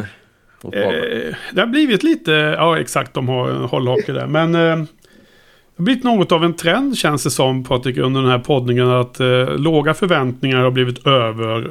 Man har fått eh, bättre utdelning än vad man väntar sig och höga förväntningar har blivit besvikelse. Det är lite så. Och faktum är, nu, nu kanske jag tar det lite tidigt här, men, men eh, jag satt och funderade just på Die Another Day, då, nästa film. Ja. Och jag är Ja, lite just sådär, ja men jag tänker så här, jag har alltid haft väldigt låga förväntningar, men så jag funderar på att Tänk om den är bättre, det kanske bara är den här slutscenen som gör och, att Ja, ja. Kitesurfingen och slutscenen är det som det enda man tänker på liksom. Den kanske Ja. är rätt bra bortsett från det. Så det ska bli spännande nästa vecka. Ja, det, blir ska det. spännande att se den, absolut. Ja, men det har ju verkligen hänt tidigare här med filmen som jag tänkte mm, var väldigt lågt ner. Och, och, och det känns som att allting dras mot mitten på något sätt. Men det kanske är, ett, en, det kanske är en trist effekt av att vi ändå ser filmen i en ganska intensiv fas. Mm. Med, med poddningen, att allting blir liksom in mot mitten av eh, med, medelbetyget liksom. Det är svårt att få de här riktiga topparna, även om vi har sett flera filmer som vi varit jättenöjda med. Speciellt i början. Det har vi. Mm. Så vi är inte helt, eh, allting är inte negativt eh, runt den eh, ut, utjämningseffekten. Ja, vad heter det? Ja, ni gillade inte Robbie Coltrane då som, vad heter han, Sukov eller vad fan han heter? Eh, Nej, jag nej. var ju inte jätteglad på honom redan i Goldeneye där. Så.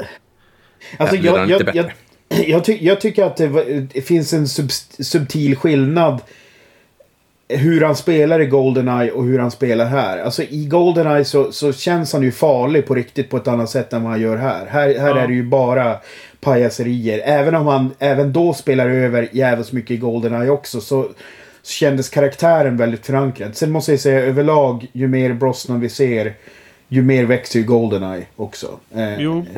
Det är ju så. Det, det, jag ska ju revidera mitt betyg. Det är ju inte en trea. Det är, för mig är det en fyra liksom. ja, som jag sa. ja. Ja, herregud. Alltså tänk på att jag gav den här fyra av fem när jag gjorde mitt blogg, bloggprojekt för sju år sedan. Och det, det är ju inte en fyra längre kan jag säga. Vi får återkomma till betyg om en stund. Ehm, Nej men alltså jag gillar ju den skådisen och det är ju, eh, det är ju så simpelt att eh, då överskuggas en del eh, svagheter. Jag, är som, jag kan inte gilla hans scener här men de är inte bra men jag liksom gillar hans, när, hans screen presence. Men jag håller med om att eh, det funkar inte alls lika bra här. Och det finns inget av den här nerven när, från Goldeneye när Bond går in i hans eh, lya. Den första gången man träffar honom i, i, i filmserien är ju den bästa scenen där han är med tycker jag. Eh, och som du redan har nämnt eh, Joel, den här actionscenen med det här huset på bryggorna är ju så jäkla dålig tycker jag. Eh, men jag, jag, jag satt faktiskt och tänkte på det igår att eh, jag tycker nästan att all action i den här filmen är ganska dålig tyvärr. Ja.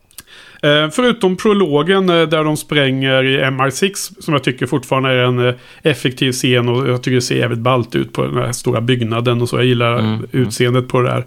Men, men jakten på, på Themsen och i vattnet där i slutet på prologen samt skidjakten och samt den här eh, bryggan. Alltså det, de där stora actionscenerna gör ingenting för mig längre. Alltså det är svintråkigt. Det är väldigt nära att man sitter och snabbspolar. Mm. Ja, det är väl inte jättemycket bra action i den här. Eh, överhuvudtaget. Nej, det, det, det, alltså det, det är verkligen... Skidscenen känns verkligen så här. Okej, vi måste ha en, en skidstuntscen med Pierce Brosnan också. Som vi har haft med, med både Connor och Mm. Alla ska ha det. Moore liksom. eh. Och, och, Och även... då, eh, med sin cello. cello. Ja, och även, eh, vad heter han, Lazenby hade väl också Lazenby, skit. ja, precis. Flera stycken dessutom. Och Danny Craig kommer få sin också. Så att, eh, alla ska Ja, få sin. ja, har Daniel också det? Kommer inte ens Jajamän. ihåg. Ja, det har han. All, alla ska ha. Okej, det är bra. Alla ska ha. Ja. Ja, nej men tyvärr alltså. Det, eh, jag, jag blir lite uttråkad av dem och så. eh. Ja, eh, sen då. Det förväntade stora eh, frågan som, ska, som det ska gnällas på. Det är ju Christmas Jones då som vi har skojat om så mycket. Mm. Eh, vad heter hon nu då? Denise Richard i en Denise väldigt, Richard, eh, ja. väldigt eh, eh, utstuderad liten topp. Spelar hon kring med i de första Ja, filmerna. lite Tomb Raider-aktigt. Ja, exakt. Shorts där. Men hon har haft en eh, skyddsutrustning på sig så det var väl varmt då. Men, eh, ja, men varför är Denise Richards så himla dålig då, då i detta? Ja, om, jag, om jag får börja. Jag ska vara Ja. helt jävla ärlig nu. Jag förstår faktiskt inte riktigt hatet. Nej, inte jag heller. Så att, Och jag, jag, jag, jag har nog aldrig riktigt gjort det heller. Faktiskt. Nej, det är Det, Patrik känns, som det känns som att man bara bashar Ja. för, att hon, för att hon typ ser bra ut och är liksom... Jag, alltså jag vet inte. Alltså det, det, det, problemen med henne är ju kostymavdelningen. Alltså det är ju så här... Eh, jag köper det där att, att hon var klädd så under skyddsutrustning exempelvis. Men sen är det ju väldigt mycket så här att hon alltid ska se så jävla ärtig och snygg ut. Eh, Det svårt. I situationer där hon kanske inte är det liksom. Nej, precis. Jag, jag, hon, tror att, hon, ser, hon ser lite för nugen ut för att vara en atomfysiker, eller? Ja, jag tror att det är det som är det stora problemet. Det är mitt stora problem med henne i alla fall. Och det är att hon är eh, runt eh, 25, 30. Ja, hon är ju mid-20s tror jag hon ska vara. Ja. Och hon leder alltså ett... Hon är kärnfysiker och leder ett team som ska eh, montera ner eh, ryska kärnvapen. Eh, och det, det finns ju inte en chans att eh, man gör det jobbet när man är 25. ja. Och det är det som- Eftersom hon är, är kvinna då?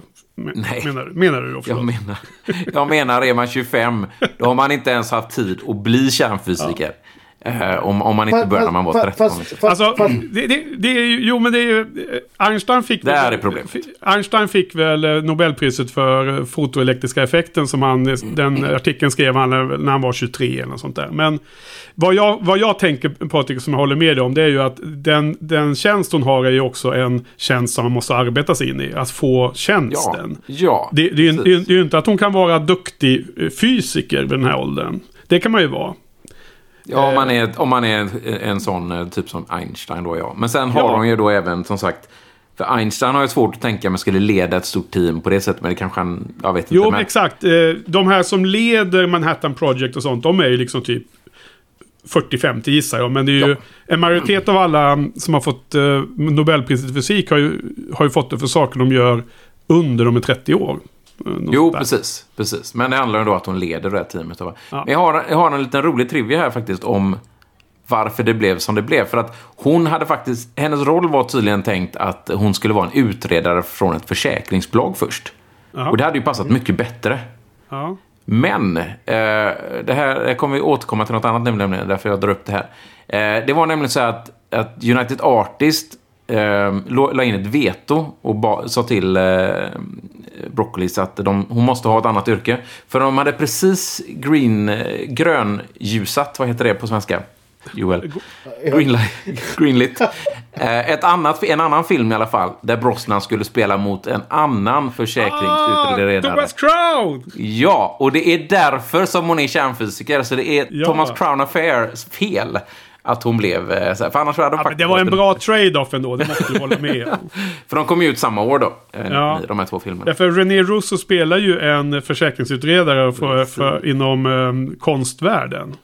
Ja, Och, och där prata, prata om en kvinnlig karaktär som verkligen fyller skorna för den rollen hon har. Ja, där, det- där är det ju en perfekt ju. Men jag tyckte det var lite roligt när jag läste om det, att, att det var just Ja. en av dina favoritfilmer Henke, som, som gjorde att hon blev att den här karaktären fick världens sämsta eh, liksom, yrke liksom, för den här Mm. Ja, eh, när, när, jag, när jag tänker på denna anekdot Patrik, alltså då, är, då, då blir ju Denise Richards roll här mycket sämre. Alltså hennes insats och allting ju. Då, då är inte lika positivt längre om man jämför med René Russo.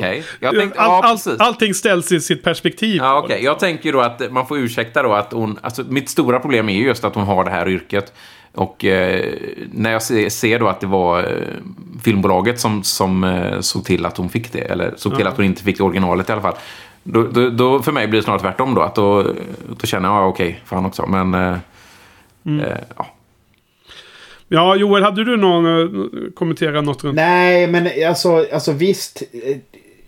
Alltså det här, det här att hon, hon ser ju ung ut. Men samtidigt, nu har inte jag så jag kan googla här. Men jag menar, hon är väl typ 30-35 när hon gör rollen. Är hon inte det? Nej, 28 är hon, jag tror jag kollade Ja, upp 28, det. ja, och eh, när filmen kom ut i alla fall. Och eh, enligt manus och allt det så ska hon vara mid-20s tydligen. Så mellan för 25 jag, jag, 30. för jag, tyck, jag tycker ändå att de Ja. gör väldigt få anspelningar i filmen på att hon ska vara ung.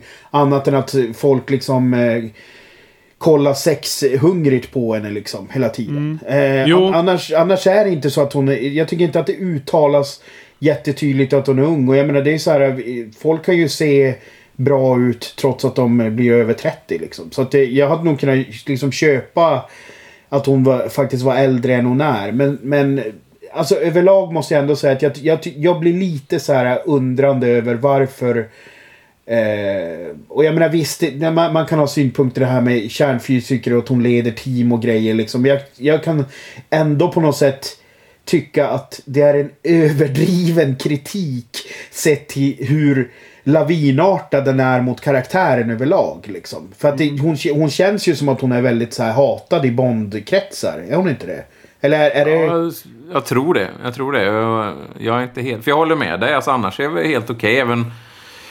Jag vet jag tycker inte hon är, hon är så jävligt duktig skådis heller i och för sig. Men... ehm, Ja fast det, är, det, det, det finns ju jättemånga från, från eh, Roger Moore-eran som är värre. Ja, ja, absolut. Ja, ja, ja. Men, men det betyder ju inte att hon är bra. Om man säger så. Nej, Om de andra är dåliga betyder att hon är bra. Nej, absolut. Det är så här. Det, precis. Kruxet är väl snarare det att det, de, de, som, de som jag gillar bäst nu när man försöker summera det är ju då Pam Bouvier och så sen är det ju typ hon flickvännen från första ju- två... Ja, man två- lista ut det liksom. Flickvännen från första två filmerna, Diana Rigg och Ursula Andress, typ Honor Blackman kanske. Alltså det är ju liksom... De är ju de som sticker ut på ett väldigt bra sätt för mig. Alltså som verkligen är så här... Jo, men jag tycker hon i For Your Eyes. Only är bra också. Eh, Armborst-tjejen, vad hon nu heter. Ja, Men må, må, många av dem ni säger är ju etablerade skådisar innan och då, då blir det ju bättre. Um, det ser man ju på Sofie Marceau i den här filmen till exempel. Hon är ju etablerad Ja. skådis innan och hon Vi gör ska- det jättebra. Vi ska komma till henne nästa här och det, hon är ju bra som fan. Men jag måste också säga att jag tror att, jag vet, jag, alltså först och främst, jag vet inte hur eh, Denise Richards anses inom Bondvärlden. För jag är inte del av den fan, eh, fankulturen. Men jag har ju också på något sätt uppfattat det att det är alla som, som tycker något om den här filmen tycker hon är så dålig. Men jag, jag, jag, jag tror att hon är för, för snygg för rollen och folk eh, köper inte det. Liksom. De accepterar inte det. och sen så, sen så då blir det liksom hela, då är det eh, eh, story, liksom game over. Ja, Eh, ja, jag, jag, kan, jag kan inte säga att du var fel där. Det, det kan ju säkert vara en sån. Hon är ju fantastiskt Och- snygg i, i, här i filmen, alltså, absolut. Ja, och jag, jag satt och tänkte på det liksom om man, om man skulle haft henne som en del i ett team. Eh, ni vet att eh, det behövs liksom någon som är erfaren och så det behövs en massa doers i sådana här team, gissar jag. Jag gissar att det finns massor med folk i 25-årsåldern som jobbar med den här typen av frågor, precis som alla andra ställen i hela världen där man har ett projekt. Så är det massor med liksom eh, unga och rookiesar och in- interns och allt vad det är som får göra skitjobbet liksom. Medan det är någon, någon, någon som på pappret är ansvarig. Och skulle man då ha eh, manlig eh, äldre som var ansvarig men att Bond hookar upp med en av liksom i teamet. Då skulle folk gnälla på att det var en man som var chef liksom. Och inte det var kvinnan som fick vara chef liksom. Mm, Så men det att kunde ju det- varit det en, en gammal kvinna som var chef, Ja, fast han ja, hookar upp med en, med en ung kvinna. Alltså det hade ju varit mycket mer logiskt, eh, Ja. tror jag. Men ja. Ja, vilket fall som helst. ehm, vidare då till, tillbaka, eller tillbaks till Elektra och det är ju main villain i den här, kvinnlig och allting. Och Sofie Marceau är en känd eh, fransk eh, skådespelerska. Ehm, hon var väl med i, eh, vad har hon gjort egentligen? Har vi något på henne eller? Um, det enda jag kommer tänka på är den här, vad hette Mel Gibson, den här skotska filmen, uh, vad fan heter den? Braveheart, var hon ju spelar väl. den, ja. Ja, Hon spelar väl den här franska prinsessan eller något liknande som eh, typ skulle eh, vara intresserad av att gifta sig med han Braveheart va? Var det inte något sånt? Ja, okej. Nej, hon har väl bara, nästan bara Men du, kan du eh, googla det, eller? Jag. Ja, hon är med där. Hon är med där. Ja, Ja. Okej, så jag Prin, sitter och, Princess och ljuger. Isabelle. Ja, exakt. Så jag inte sitter och ljuger här. Nej. Men eh, är det, visst är hon bra? Eller vad tycker ni? Ja, jag tycker hon är jättebra. Hon gör ju fra, framförallt fr- franska filmer som, som jag sa, så att det är väl därför man inte ser henne så mycket. Men eh, jag tycker hon är jättebra. Ja. Ja, ja alltså hon, hon, hon absolut. Hon, hon gör jättebra det mesta. Så Det, det blir lite så här att hon skruvar på skurkmustaschen i slutet där liksom. eh, Sista scenen menar du? Ja. I trappan och sådär? Nej, men när de torterar Bond och sådär. Alltså jag, Aha, jag, jag, ja. jag, tycker att jag tycker hon spelar fantastiskt i den scenen.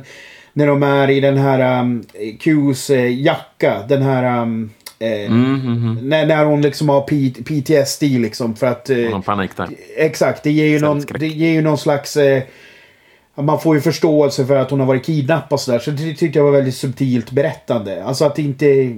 Ja, alltså effektivt Jag håller med. berättande liksom. Ja, Och så sen, mycket av hennes dialogscener är liksom bara bra. Men sen vid den där tortyrscenen där, då tyckte jag att det blev lite så här: okej nu, nu jäklar bad de henne ta i liksom. Eh, Ja, på det är ett- typiskt Bondskurks... Eh, Ja, ja. Men hon gör ju det med en kvinnlig touch i alla fall. Så det, Ja. Absolut. Nej, jag hade inte tänkt på det att hon faktiskt är enda kvinnliga huvudvillen. Och jag håller ju med. Det är, det är ju... Eh, det är intressant. Det, det tycker jag man hade velat sett mer av. Faktiskt. Mm, jag hoppas att det kommer.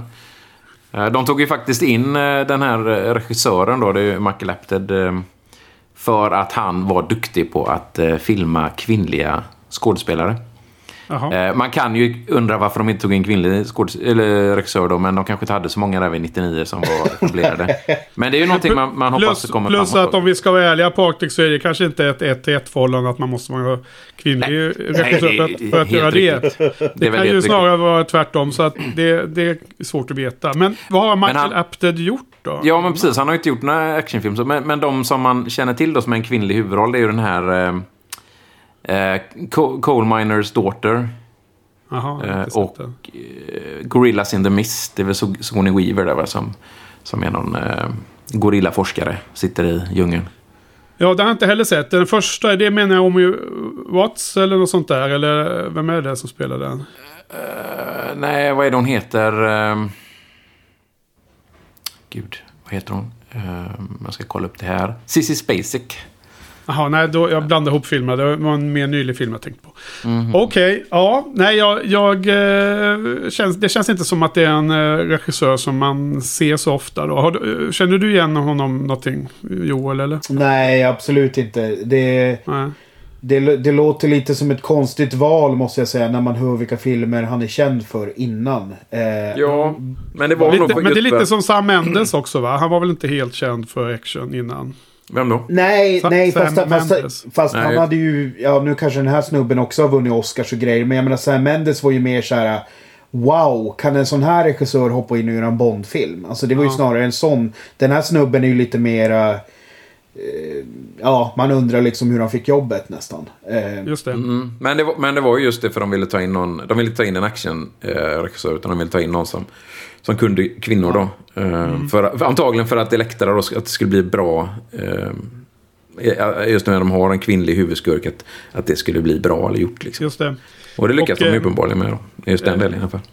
Det gjorde de ju. Actionscenerna misslyckas de med då.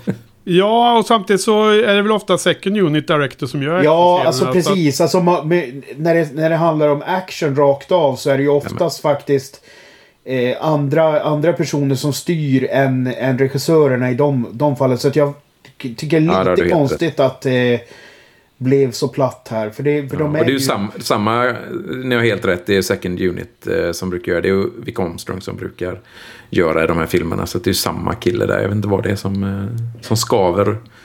Fast det är väl kanske så, eh, det är inte jätte, jag vet inte. De här eh, men, actionscenerna alltså, kanske det, inte är det, det, det kan nog absolut ha med honom att göra ändå. För det är ju fortfarande ett, ett, ett samarbete liksom. Och jag menar om den här snubben är totalt ointresserad av det och den här andra då får, får helt köra själv. Då kanske det blir så här. Alltså, det är Mm. åtminstone i de fallen jag har jobbat med produktioner som action så, så är det ju fortfarande eh, ja, ett nära samarbete om inte huvudregissörerna är inblandade. Vi hade en del sådana grejer på Mina Sol som var liksom där, där de, de kommunicerade ju väldigt tydligt med varandra. Eh, så att jag, jag, jag tror nog att det kan faktiskt ha med att han inte är så... Kanske, alltså min fördom säger då att han kanske inte är så intresserad av det. Och lät, lät honom Så kan det vara. mer. Ja. Ja, okej. Ja, vad säger vi då? Eh, Har vi några... eh, Har vi några områden vi har missat? Vi har ju lite andra sådana här birollskaraktärer och lite... Någon Goldie allt vad han heter som jag tyckte var helt meningslös som karaktär. Och någon dansk som är med lite kort och sådär. Vad, vad säger ni om resten av eh, ensemblen? Det är väl inte jättemycket att prata om. Uh, Gold är som sagt någon känd, vad är han, var han diskjockey eller någonting? Fick väl en roll där. Och, Ja, Eh, många danskar som kommer in. eh, Ja, jag- jag- jag- precis. det är ett rad med danskar nu. Var en dansk i förra filmen och dansk i denna och dansk i nästa. Och ja. de har tagit över svenska. Da- Danskarna är ju bra så. Här får han inte så mycket att göra då. Han är ju den här eh, säkerhetschefen som blir... Eh, ja, bränd i handen då. lustigt, nog, lustigt nog att Renard blir ju som inte bränd. Nej, precis. Men det var en inte sak att det- han inte har ont, men han blir Ja, inte exakt. bränd. Liksom. exakt. Det var ju det, det, var ju det känslan av smärta var ju borta. Men det hade ju ingenting att göra med att han inte blev bränd. Men ja, ja, det, det är detaljer. Ja. Nej Ja, men det. sen, sen, jag reagerade på en grej där att när, när Bo- Bond skjuter ju dansken väldigt så här skoningslöst typ. Mm. Eh, och jag upplever inte ens att Bond är under hot av honom då. Utan det är väl mer att han bara... Och sen så slänger Bond ur sig senare i filmen så här att hur man, hur man inte... Hur man kan vara så hjärtlös och skjuta någon obeväpnad eller något sånt där. Eller, Ja. han, och då känner jag bara, men det står ju direkt kontrast till vad du gjorde i, i den scenen med dansken. För att han var ju inget hot liksom. Nej, Utan han har ju alltid- sagt det, att han, han gillar inte att döda liksom, i, i kampblod. Så, så det blir jättekonstigt. Jag håller med. Ja. Eh, ja. Nej, annars jag har väl inte eh, heller några speciella... Alltså... ja, En grej jag reagerade på också var ju det här med hur, bo, hur ubåten eh, skohornas in på slutet där. Eh, grejen är ju att sånt där kunde ju hända i Roger Moore-filmen också. Men då är det ju ofta så att man åtminstone har fått se ubåten eh, tjuvas i början eller någonting. Eller i Connery-filmerna liksom. Men här är det ju totalt out of the blue liksom. Eh, kommer ju bara som en extra De, grej. de nämner ju det ändå ehm, på kasinoscenen och så här att, att han gör vissa tjänster och det här var en extra tjänst. De säger ju inte att det är en ubåt då, men eh, det kanske hade varit, de kanske kunde gjort det lite mer tydligare där eller någonting sånt. Eller, eller också vill de ha den reveal att åh, det, nu kommer en ubåt liksom. Eh, alltså, jag, jag vet inte, de, de kunde gjort det bättre, definitivt. Ja. Ehm, vi, vi får i alla fall både de här ehm, eh, medhjälparna på MI6 med i den här filmen. Då, både Tanner och eh, vad heter den andra nu igen? Robinson. Robinson, ja. För det var ju det jag kom ihåg att vi skulle se Robinson igen. eh, Så att, eh, och först så, först så trodde jag att, att Tanner eh, var, gick åt där i explosionen faktiskt i början. Men sen dök han upp lite senare så han hade klarat sig. Det var ju skönt. Ja, det var tur. Men de är ju ganska solida som vanligt. De är trevliga att att se, men de, de hade ju ingen vidare roll här. Så det hände inte så mycket. Nej. Nej, de, de, de har sällan det tyvärr. Jag hade velat se dem lite mer. Ja, men liksom det visar hur starkt det är att ha en återkommande karaktär, eh, eller i det här fallet två. Det, det, är som, det är liksom den här kryddan, den här som skapar hela, hela paletten. Liksom. Hela, hela världen växer genom att ha sådana saker. Och, och ibland är de kanske lite dåliga på att um, förvalta den, de bitarna i Mm. Bond-serien ju. Har vi De lyckas ju för Q och Miss Moneypenny och så här, men de, eh, Ja. de vill inte gå längre än så. Och M Ja. då givetvis. Alltså Ja, det, det, synd. när det gäller de där så är jag ju... Alltså jag är ju... Det är intressant hur man kan se det så olika. För att för mig är det ju så här... Jag tycker alltid fascinerande när du tar upp dem Henke. För att det- för mig är de bara som extras. Alltså du vet det är så Ja, här... Jag lägger inte märke till dem och kopplar inte att de återkommer i flera filmer. Ehm, så att... Ja, det är Det bara är varför jag fascinerande. tjatar hela tiden om, om det. Ja, jag vet inte om det är det Patrik. Jag kanske påverkar dig. Men jag, jag, kommer, jag kommer ihåg dem redan för några poddavsnitt sen så kom jag ihåg att jag skulle se dem igen. Så att på något sätt har de ändå Bra. Fastnat, fastnat i minnet. Och jag håller med om att de inte är mer än extra. Så här. det, är det, det är det som är spaningen. Att det är lite tråkigt. Precis. Ehm, men, men varför jag har liksom... ehm, varför jag kommer ihåg att de är med så, jag vet inte. Men... eh, det är väl ett sökande av att eh, få liksom den här eh, teamkänslan, den här kollegorna liksom att det ska vara en, eh, att det är sådana eh, relationer som byggs på och vidare. Eh, Men eh, det är inte det som den här franchisen så att säga lever på. Det är, det är inte en Fast and the Furious eller Marvel Cinematic Universe direkt där man bygger relationerna före man bygger nästa action piece liksom. Mm. Ja, men eh, har vi några deep dives idag då Patrik? Något lite mer, eh, för, förutom ett stort gigantiskt hål känner jag i mig förresten. Ja, ska vi avsluta med det? eller? All, allting känns så mörkt.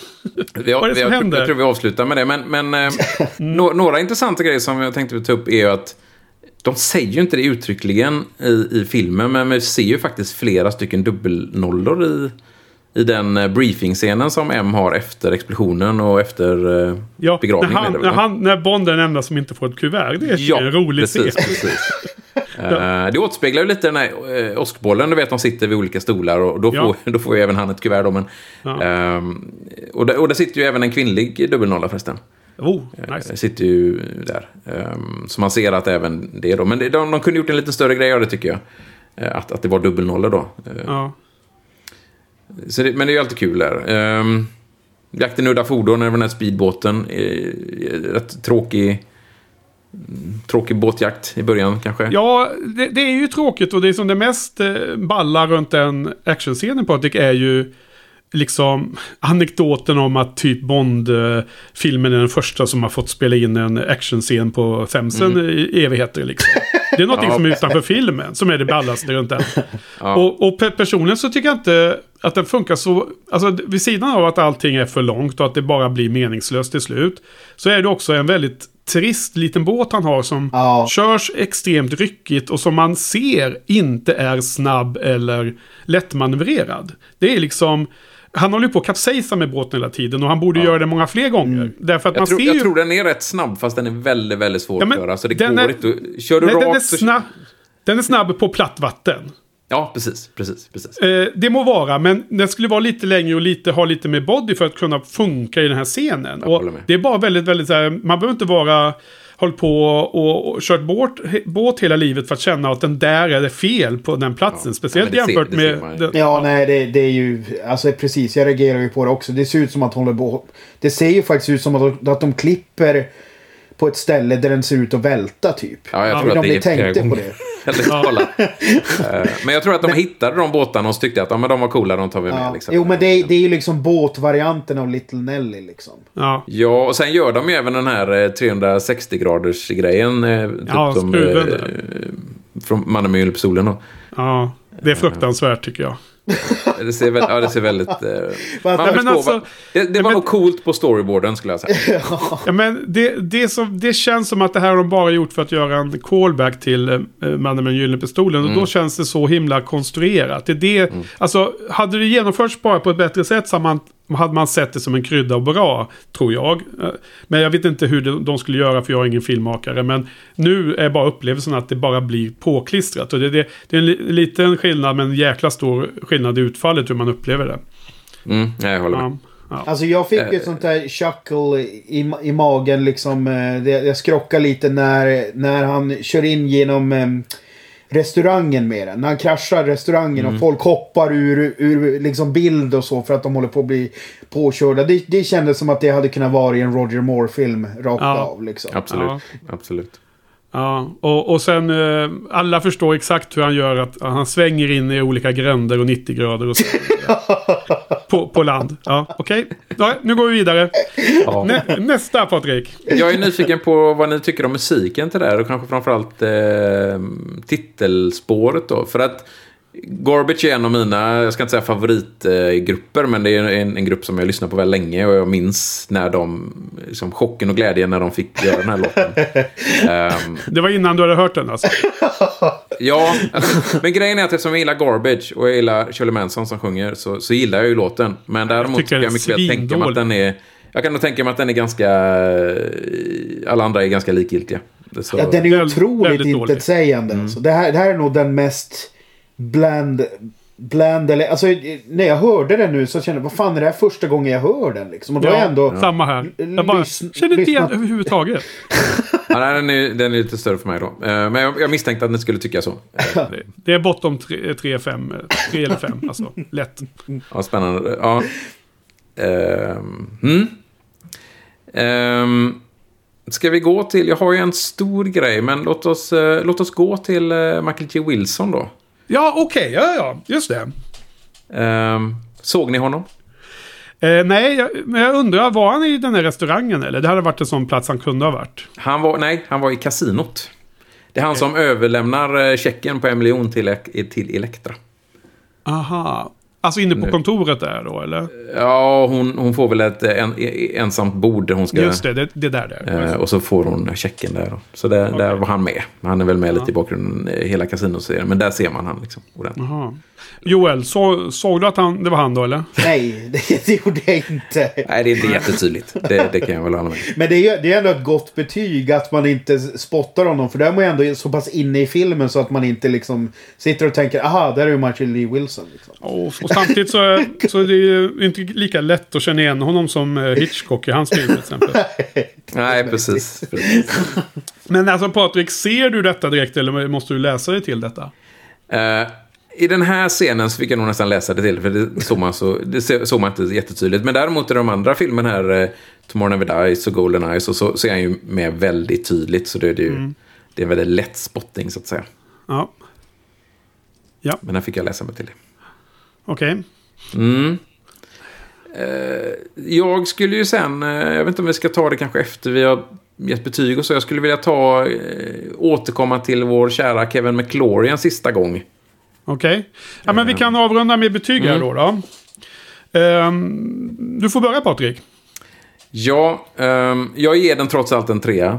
Ehm, jag förstår att ni antagligen har den lägre. Ehm, men den har sina positiva delar med Elektra och, och lite sånt. Eh, Och Q-scenen och, och, och så. Så att, eh, jag, jag ger den en trea. Den är inte stark på något sätt, men den får ändå en trea. Du då Joel? Eh, ja, det blir väl en ruskigt svag tvåa. Q, Q, Vilket svagt. två. Ja, alltså den är ruskigt svag. För att jag, jag måste ändå säga att jag var fan underhållen av den förra filmen.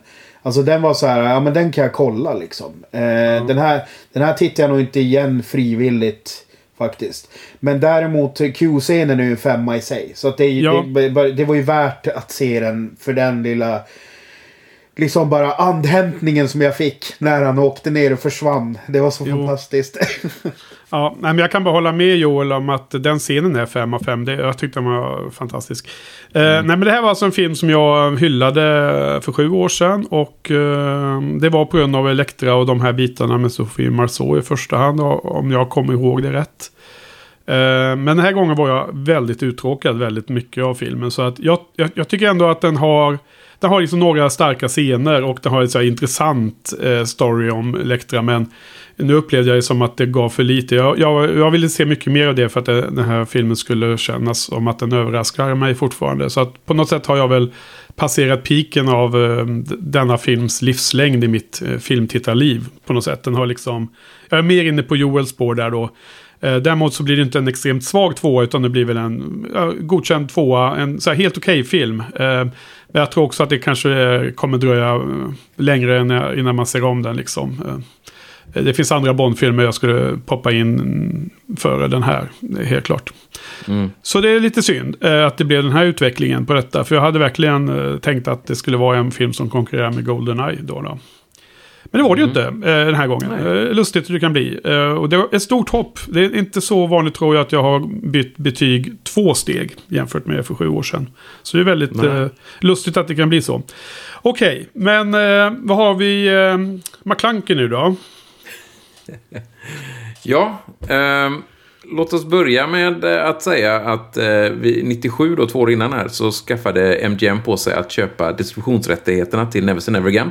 De försöker samla liksom eh, alla, alla icke... Vad ska man säga? Alla, alla, alla de grejerna som inte är Eon, alla de som de inte har kontroll över. De försöker liksom få in det här nu då, så de får ensamrätt på, på hela Bond-franchisen. då.